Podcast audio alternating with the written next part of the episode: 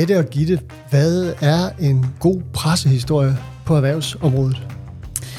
En god øh, erhvervshistorie er en historie, som ikke har et kommercielt fokus. Det er en øh, historie, som er relevant for andre end en selv og ens virksomhed. Det er en historie, der har noget identifikation, der taler til mennesker. Og så kan det være en overraskende historie. Historien om den lille virksomhed, som overhaler den store virksomhed, for eksempel. Ja, og så er det jo vigtigst næsten af alt øh, en historie, der har en rigtig skarp vinkel. Det her er Maskinrummet, øh, en podcast fra Erhvervshus Fyn. Mit navn er Jan Bunde, og i dag taler vi om pressehåndtering. Og derfor så har jeg taget to øh, meget, meget stærke gæster med i studiet, nemlig Mette Lindved Nord og Gitte Vestermark. Og I er jo udmærket jer på den måde, at I har været ansat her i huset i lang tid og arbejdet netop med pressehåndtering. Mette, du har snart været her i 10 år. Ja. Ja, og Gitte, det du sagde 14,5, det er jo altså normalt det, der man er, altså børnene, når de skal sige, hvor gamle de er, om de er 4 eller 4,5 eller sådan noget, men du 14,5 år har du, har du været her. Det er fordi, jeg synes, det er en lille smule angstprovokerende at, at sige 15. Det lyder voldsomt. Vi havde faktisk en kollega, som havde 15 års jubilæum i går, Ja, så det kan man godt. det kan man godt. bestemt. Den næste halve time tid, vi har sammen her i forhold til at tale pressehåndtering, der skal vi lige omkring nogle øh, spændende, synes jeg, emner. Øh, egentlig så vil vi gerne have at vide, hvad I laver. Så det, øh, det skal vi lige starte med. Så skal vi høre lidt om, hvad er egentlig den der gode historie? Nu tog vi en lille smule hul på det her til åbningsspørgsmålet. Og så skal man høre øh, lidt om, hvis nu man sidder derude som virksomhed og har en god historie, hvordan kommer man så i medierne med den? Øh, er det farligt at være i medierne? Det skal vi også snakke lidt om. Og øh, så skal man snakke om, om man kan styre de der medier. Øh, det kunne måske være ret, man kunne det. Men det må vi prøve at finde ud af. Det kan godt være, at I har en holdning til det. Og til sidst skal vi lige høre lidt om, hvad der sådan fylder i, i jeres kalender. Men, men det er sådan øh, programmet, venner, for den her næste sådan lille halve times tid. Er I klar til det? Ja, Ja. Det er godt. Mette, vil du ikke starte med at fortælle, øh, hvad, hvad går dit job ud på?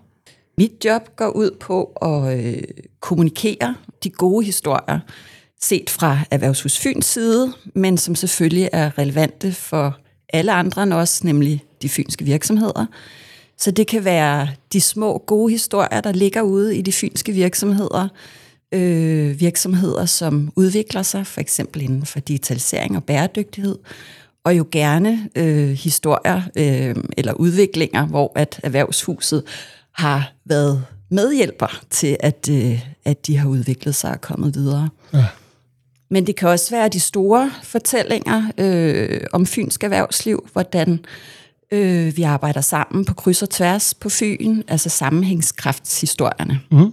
Og det er jo både via øh, pressen, vi gør det, men det gør vi selvfølgelig også via andre kanaler, vores egne kanaler. Ja.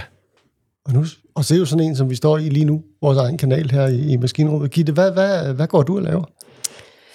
Jamen, øh, det er jo, som Mette siger, det handler om at, at få alle de gode historier ud over rampen, som, øh, som er ude i, i det fynske. Øh, der er simpelthen så mange SMV'er, som har en god historie, som de måske ikke selv er, er opmærksom på. Øh, og vi vil jo også selvfølgelig rigtig gerne understøtte det arbejde, som vores gode kollegaer gør i forhold til at, at kunne hjælpe virksomhederne. Øh, og det gør vi jo tit ved at fortælle de gode eksempler på dem, der har fået noget hjælp. Mm. Øh, så, så det, øh, det, er det, vi, det er det, vi gør, og det handler jo helt lavpraktisk om at, at have nogle gode relationer til, til medierne, øh, og det handler om at, at få lavet nogle de skarpe vinkler øh, på tingene, så vi ikke altid øh, skal fortælle hele historien, men øh, går ind i den med, med et bestemt øh, blik og med et bestemt sæt briller på.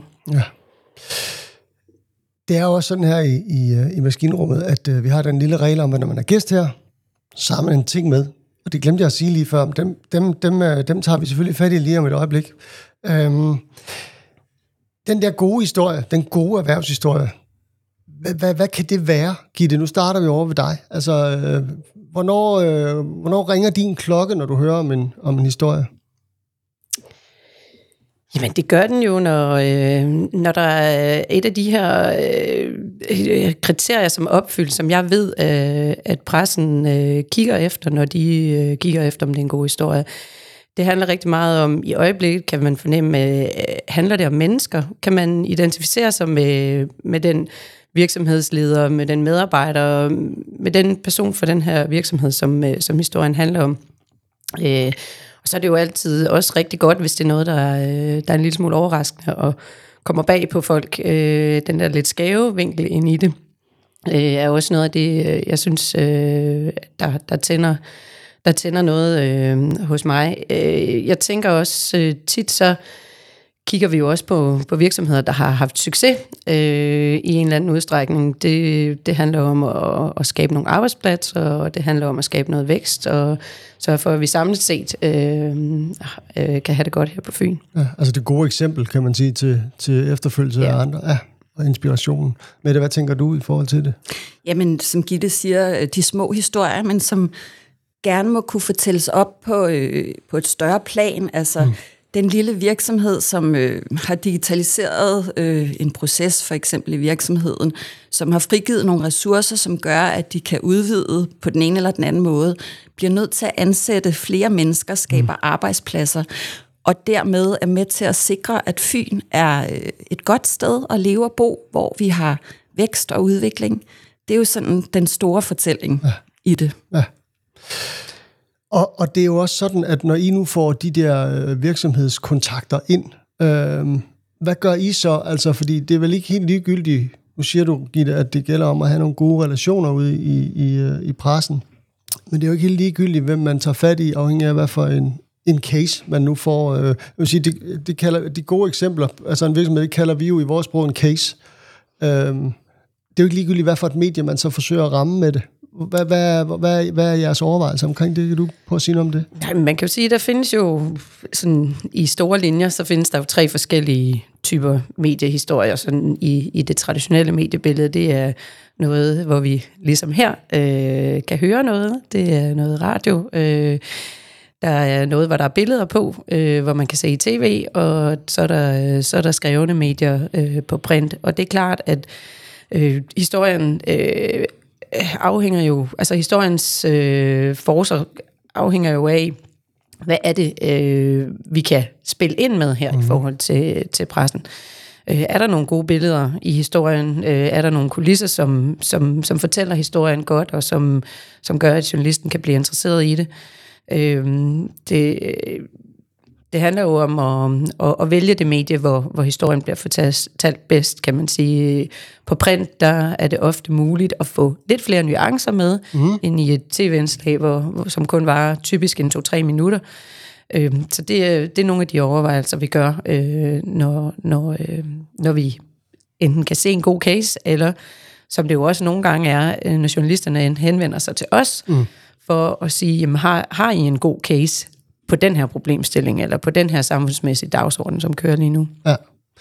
Men det kan man sige så, at, at øh, det fineste er at komme i tv, øh, så er det lidt mindre fint at komme i radioen, og ikke helt så fint at komme på print. Hvordan er nu, øh, altså, hvad er din holdning til det?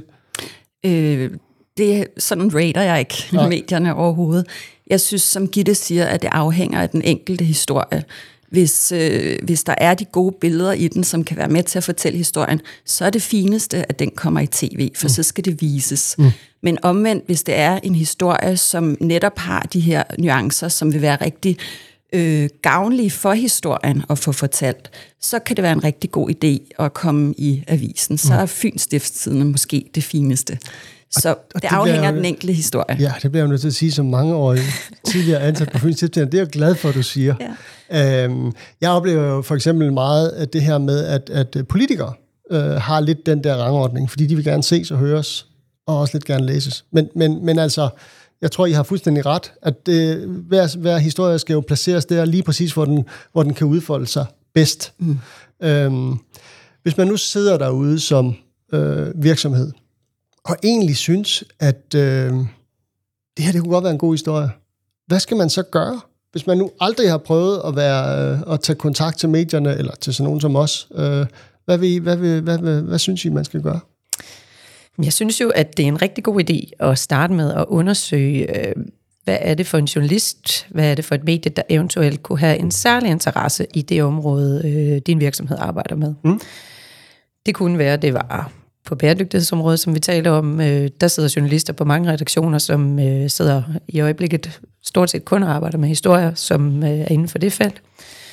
Øh, så, så det er en god idé at lige sådan prøve at ja, se lidt tv, øh, høre lidt radio og læse nogle medier for at se, jamen, hvad er det for nogle journalister, der kunne være gode at kontakte.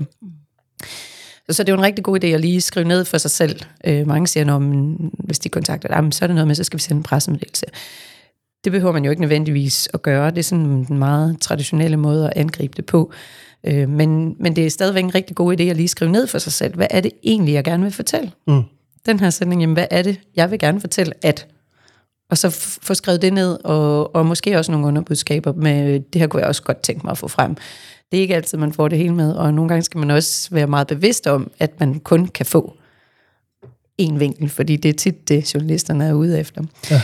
Men, øh, men, men når man så har gjort det, så, så vil jeg jo faktisk anbefale, at man øh, prøver at se, kan man finde noget direkte kontaktinfo til den her journalist, fordi øh, vi oplever i hvert fald tit, at øh, journalisterne vil gerne kontaktes, øh, så det er deres historie. Mm. Så det er ikke nødvendigvis af, af, af noget, der kommer ud til alle medier på én gang, og ikke nødvendigvis noget, der kommer fra redaktøren, men, men noget, som journalisten selv har fundet på. Så jeg, modsat hvad mange virksomheder tror, så er der faktisk mange journalister, som godt kunne tænke sig, at man ringede til. Ja, fordi man, hvem, hvem gider at blive sat i gang i sin chef? Man vil da ja. hellere bare sætte den på.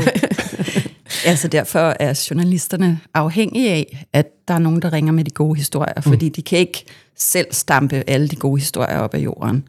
Øh, og så skal man jo være villig til at indgå den her dialog med journalisten. Altså man skal ikke have en plug-and-play-løsning og sige, det er det, den her historie, jeg vil have fortalt. Mm. Fordi så skal man putte nogle penge i det og vælge nogle andre kanaler. Ja. Man skal indgå en dialog øh, med journalisten øh, og udvikle på historien sammen. Og så i øvrigt på et tidspunkt overdrage den til journalisten, og så forstå, at det ikke er ens egen historie længere vi kommer lidt tilbage til det med, at man kan styre det, ikke også? Men, men, øh, men, men det der med, at man, hvis man nu tager kontakt, og ikke har prøvet, som jeg sagde før, ikke har prøvet at ringe til sådan en journalist før, kan man så, når man nu ringer op og siger, goddag, mit navn er Jan Bunde, jeg har en historie, jeg gerne vil fortælle, kan man så, øh, altså, bliver man så citeret fra det øjeblik, man, man nærmest øh, har en stemme i røret, eller hvordan, hvordan, øh, hvordan foregår det? Nej, det gør man ikke. Øh, altså en journalist vil som regel starte med at undersøge, om der er en historie i det. Man skal huske, en journalist er et menneske. Altså man ringer til et menneske, man kan have en samtale med. Mm. Men hvis man er i tvivl om, hvorvidt at man er til citat fra første øjeblik, så kan man jo aftale det med journalisten, indgå den kontrakt og sige, kan vi ikke blive enige om, at jeg får at vide, når du begynder at citere mig? Yes. Og så kan man også altid bede om at få citater til gennemsyn, sådan så man kan rette eventuelle faktuelle fejl, noget journalisten har misforstået, noget man selv har fået forklaret forkert. Ja. Øhm, så det er, altså det er en dialog, man er i med et andet menneske. Mm. Det er jo en god og vigtig pointe, synes jeg. Øhm, hvad er så ikke en god historie, Gitte? Altså, hvis man sidder som virksomhed, så, øh, så det, det her med det kommercielle, det er der jo mange journalister, der har sådan en vis allergi overfor. Så det, det skal man passe på med, øh, fordi, man, øh, øh, fordi man selv synes, det er, er fint, at man, øh, at man har solgt noget mere, så er det ikke nødvendigvis det, som journalisten er, er interesseret i. Eller man gerne vil sælge. Præcis. Det, øh, så, så hvis man kan få, øh, få talt sin historie ind i nogle øh, lidt mere overordnede øh, dagsordner, som kører, noget, der er samfundsmæssigt relevant, øh, og noget, der er menneskeligt, som vi også var inde på før, også hvis man er villig til at og også øh, øh, dele lidt ud af sig selv, og, mm. og de følelser, man har omkring det at være virksomhedsleder. Vi havde et øh, eksempel her for nylig med, øh, med vores øh, Early Warning-program, som jo er det her, hvor man, hvor man kommer ind øh, og kan få noget hjælp, hvis, øh, hvis det ser lidt, øh, lidt stramt ud for virksomheden. Øh, og der, øh, der havde vi et rigtig godt eksempel på, på en virksomhed nede på Tåsinge, som, som var meget øh, åben og ærlig omkring den proces, han havde været igennem, øh, og hvordan øh, at det her program faktisk havde været med til at bringe ham øh, på, på, øh, på et rigtig, ind i en rigtig fin udvikling. Mm, ja. ja, så det der med at give noget af sig selv. Ja. Jeg tror faktisk, det er nu, at vi skal prøve at kigge på de der ting, I er med. Det kan jeg sådan mærke i maven. okay. øhm, Gitte, hvad er det, du har taget med? Jamen, jeg har taget sådan, øh, jeg har været i min datters skoletaske og, øh, og finde en, øh, en vinkelmåler. Den bruger jeg jo selvfølgelig ikke, fordi øh, det er ikke sådan, at nu er den her, den her historie, den er 90 grader eller noget andet. men, øh, men som du også har kunne høre, så har jeg nævnt det her med vinkel et par gange, mm. og jeg synes, det er altafgørende øh, i det arbejde, vi sidder med. Det er det for, for journalisterne, men for os, som skal sælge historier ind til journalisterne, er det også altafgørende, at vi kan se det her med, at en historie har brug for at have en vinkel. Og hvad hedder det, øh, når du så har taget den, så er det selvfølgelig fordi, at kan man sige, ordet og, og genstanden passer sammen. Var du god til matematik i skolen? Det tror jeg vil være synd at sige. Der er, nok en, du... der er nok en grund til, at man har havnet der, hvor Lige man præcis, er. Det var også, den øh, sproglige del, der fyldte for mit vedkommende. Ja, du har vinklet din karriere, kan man sige. Ja, det kan man sige. Ja. Men det din øh, ting, den har jeg faktisk glædet mig lidt til at både tale om, men også at høre. Kan du ikke prøve at sætte, øh, sætte gang i den? Det kan jeg. Det lyder som et haveredskab. Det, det gør det. Ikke. Kan du prøve at beskrive, hvad det er? Jamen, jeg har også gået den lidt øh, abstrakte vej. Jeg har taget en øh, figur med, som forestiller en robot. Jeg har været på min søns værelse. Øh, en sådan robot, som et barn vil tegne den, synes jeg. Ja. Øhm, ja. Og det har jeg, fordi den øh, for mig er et billede på øh, robotklyngen, mm. Odense Robotics, som er Danmarks nationale robotklynge, som startede her på Fyn, øh, og som for mig er et rigtig godt eksempel på den store fortælling, ja. og hvad fortællingen kan i forhold til at skabe virkelighed, og i mm. forhold til at skabe fællesskab. Fordi det er jo det, både Gitte og jeg, vi jagter i al vores arbejde, når vi skal ud og prøve at lave en pressehistorie. Hvad er den gode fortælling her? Og så går vi ind og siger, og hvordan vinkler vi den så? Ja. Ja. Men hvad tænker du om det her med Odense Robotics? Altså, hvorfor blev det en god fortælling sådan i, i, i lidt større perspektiv?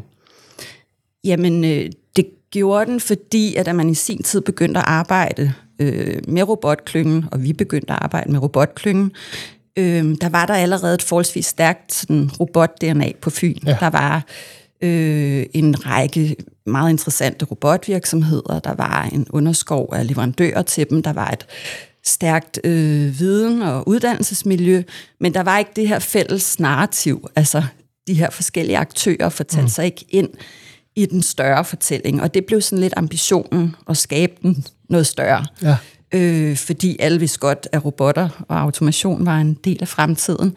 Så hvis Fyn skulle have sin bid af kagen, så skulle vi lave den store fortælling. Altså der, hvor vi siger, at når vi arbejder sammen, når der er sammenhængskraft, så giver 2 plus 2 5.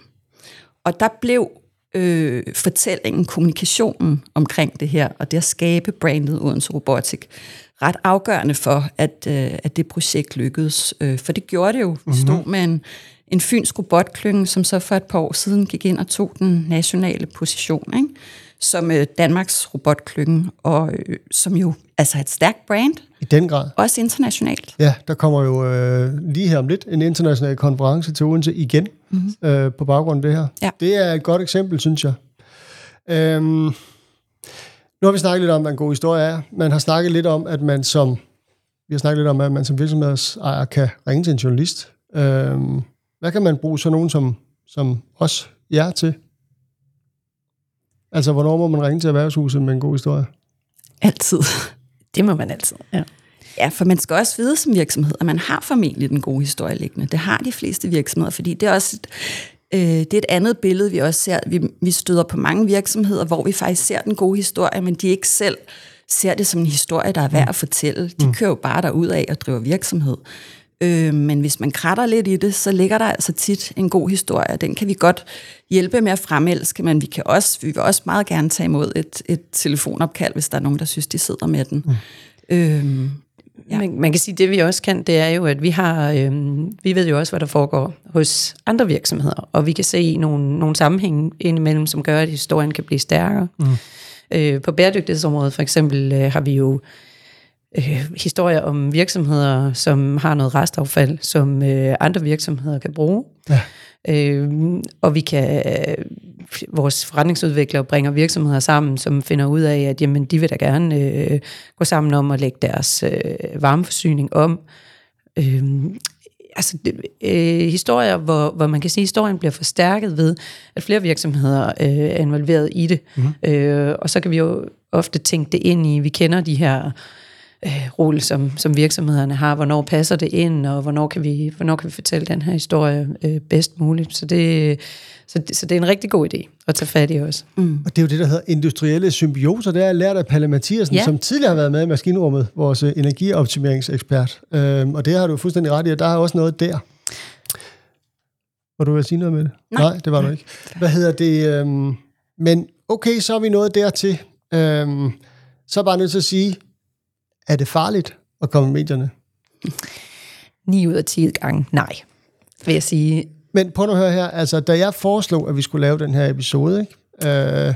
der var jo ikke lige sådan, at, at, at I sådan sprang op fra stolen af glæde. Jeg vil nærmest sige, at, at I reagerede lidt ligesom, når min datter ser en æderkop.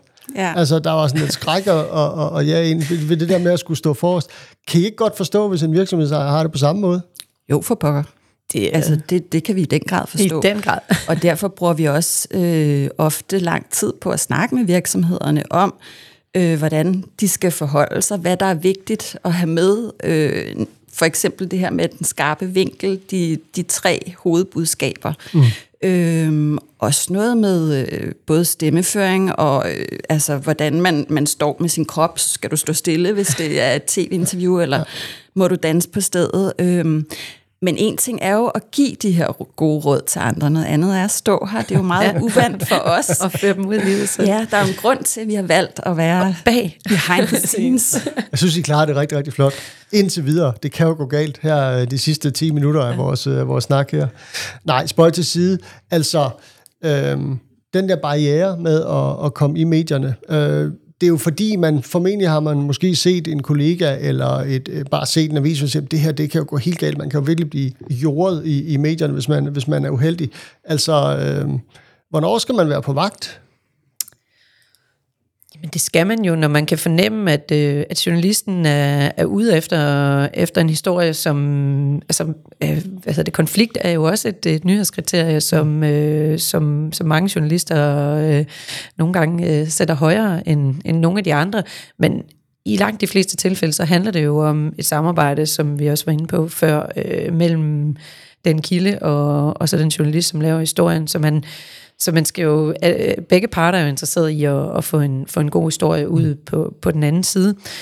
Øh, og, og det, som man kan øh, forberede sig med, det er netop øh, prøve at, at tænke sig om, inden man nu skal interviews, hvad kunne den her journalist finde på at spørge om? Mm. Også af de ting, der, der måske øh, kunne være lidt kritiske, og hvor man godt selv ved, at der er nogle slagsider, eller, eller noget, hvor man, hvor, man, øh, hvor man måske ikke er helt skarp i, hvorfor har vi valgt at gøre sådan her. Ja. Og hvis jeg må, øh, må supplere, hvis man så bliver taget på sengen og mm. bliver ringet op af en journalist, uden at man var forberedt, så må man godt øh, sige, at man er på vej til et møde, og man kan snakke om en time, og så bruger man den time på at forberede sig, mm. og netop tænke alle de her kritiske spørgsmål igennem, igennem der kunne opstå. Og er der tale om en lortesag, så at sige, så er det jo også bare øh, en rigtig god idé at lægge sig fladt ned. Ja. Og så simpelthen erkende, at man har lavet en fejl. Ja. ja. Øhm, nu er det ikke fordi, at, at, at Simon Spies sådan er, er, er sådan særlig populær i medierne for tiden, øh, men, men han havde jo det her saying, der hed, al omtale er, er, er god omtale, altså også den dårlige.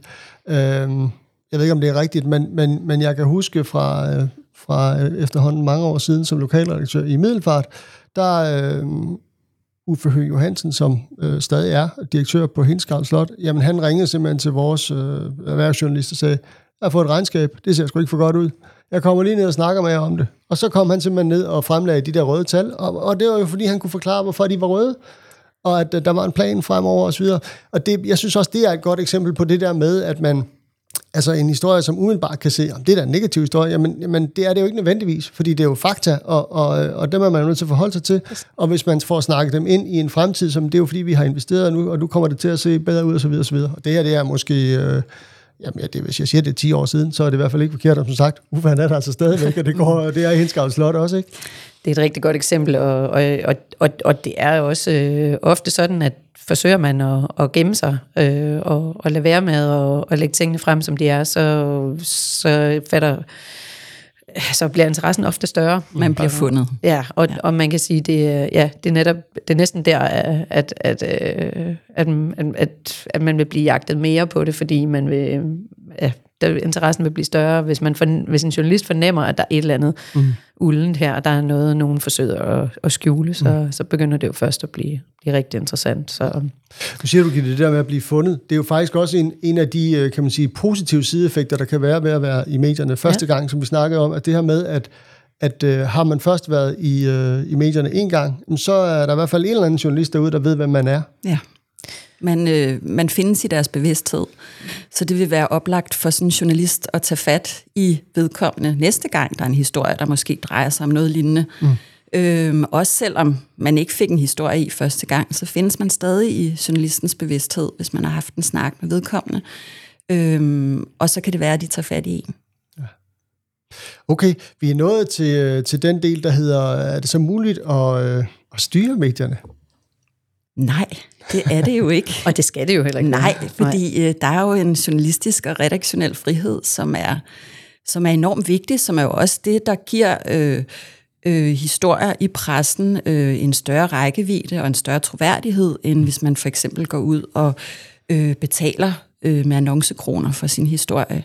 Så øh, man skal bestemt på et tidspunkt, som jeg også sagde tidligere, overdrage sin historie til journalisten og lade ham hende fylde de huller ud, øh, for så får man det bedste resultat. De er dygtige. Mm. Helt sikkert. Okay, men det var jo klart svar, kan man sige. Øhm, vi er ved at, at, at nå derhen, hvor jeg tænker, at øh, jeg kunne godt tænke mig at høre lidt om, øh, hvad der sådan fylder i jeres kalender, sådan her inden for det næste, lad os bare sige, øh, 3-4 måneder, fordi øh, året er jo ungt endnu. Men hvad, hvad skal du lave? Jamen, øh, vi har jo fået en ny klynge på Fyn, øh, Bluetech Cluster, som er øh, den nye maritime klynge, der skal samle øh, den maritime branche på Fyn. Øh, og øh, på sigt måske tage en stor national bid. Så mit arbejde de næste måneder, det bliver øh, kommunikativt og være med til at bygge den her klynge op, øh, skabe nogle tilbud til virksomhederne, øh, så, øh, så vi får en masse medlemmer, så vi bliver en stærk klynge og en stærk spiller øh, nationalt. Mm. Det kan være, at vi skal have nogle folk ind i maskinrummet og fortælle om det senere. Det synes jeg bestemt. Hvad med dig, Gitte? Jamen på den helt korte bane, så, øhm, så har vi, er Odense jo med i et øh, nordisk bud om EM i kvindefodbold. Mm-hmm. Øhm, og det bliver afgjort her i begyndelsen af april, om, øh, om det bliver os, der, der får det her øh, op nordpå øh, i 25. Øh, og den dag, hvor, hvor det her det bliver afgjort, der er der jo selvfølgelig en masse forberedelse, som vi sammen med, med Odense Kommune er i gang med øh, hos Destination Fyn, og, og kigge på, hvad, hvordan sikrer vi, at, øh, at pressen kan, kan få de ting, de gerne vil have den dag. Og, og det, det er noget af det, vi sådan, det, det er sådan en lidt speciel ting, fordi det kan jo gå det skulle jeg sige, ja, ja, der skal øhm, du have, have to Så der er to øh, scenarier, man to ligesom skal forberede klar. sig på. Ikke? øhm, og, og på den lidt mere brede, øh, øh, så, så snakker vi øh, også øh, Fyn 2030. Og, øh, og hov, stop, hvad er det? Ja. Fyn 2030 er jo øh, de fynske kommuners øh, fælles øh, bæredygtighedsstrategi. Og, øh, og det handler om, øh, lidt ligesom øh, Mette var inde på i forhold til øh, fortællingen om, øh, om Odense Robotics, at øh, vi kan noget særligt på Fyn, og øh, vi, øh, går, når vi går sammen om det, så er vi simpelthen stærkere. Og øh, på bæredygtighedsområdet, der, øh, der har man også øh, valgt at lave øh, en masse godt samarbejde på tværs om nogle fælles projekter, øh, blandt andet omkring øh, infrastruktur og, og mobilitet, og øh, hvor, vi, hvor vi på Fyn øh, kan gøre noget, noget særligt på bæredygtighedsområdet. Øh, og det, øh, det, det tænker jeg, at, øh, at der kommer til at fylde øh, øh her i, i den nærmeste fremtid altså i det hele taget, så er det jo også for virksomhederne noget, der kommer til at fylde, fordi mm. det her CO2-regnskab, det er nok noget, der kommer til at, at snige sig ind på de fleste, øhm, om ikke lovgivningsvej, så fordi kunder og leverandører i stigende grad jo interesserer sig for det. Øh, ja. De fleste SMV'er, som vi arbejder med, er jo en del af nogens skub 3, så, øh, som jo er det her med, jamen, øh, der vil være kunder og leverandører, som har brug for at kunne sige præcist, hvad er det øh, for et CO2-aftryk, du sætter med det, du øh, leverer til os. Og, og det med at, at fortælle virksomhederne om det i, i god tid, det er at give nogle eksempler på nogen, der har fået hjælp hos os øh, til at, at få, få lidt mere hold på det her og kaste sig ud i det. Mm. Øh, det vil vi rigtig gerne have formidlet ud, så, så vi kan få flere fynske virksomheder i gang med det. Det bliver spændende. Begge dele, vil jeg sige. Mette og Gitte, tusind tak, fordi I var med i den her episode. Det kan jo være, I vender tilbage en anden gang. Men indtil videre, tak for i dag. Selv tak. Du har lyttet til Maskinrummet, en podcast fra Erhvervshus Fyn. Du finder os på de gængse kanaler, hvor du plejer at finde dine podcasts, og vi udkommer cirka hver 14. dag. I mellemtiden så kan du følge os på LinkedIn, og du kan tilmelde dig vores nyhedsbrev.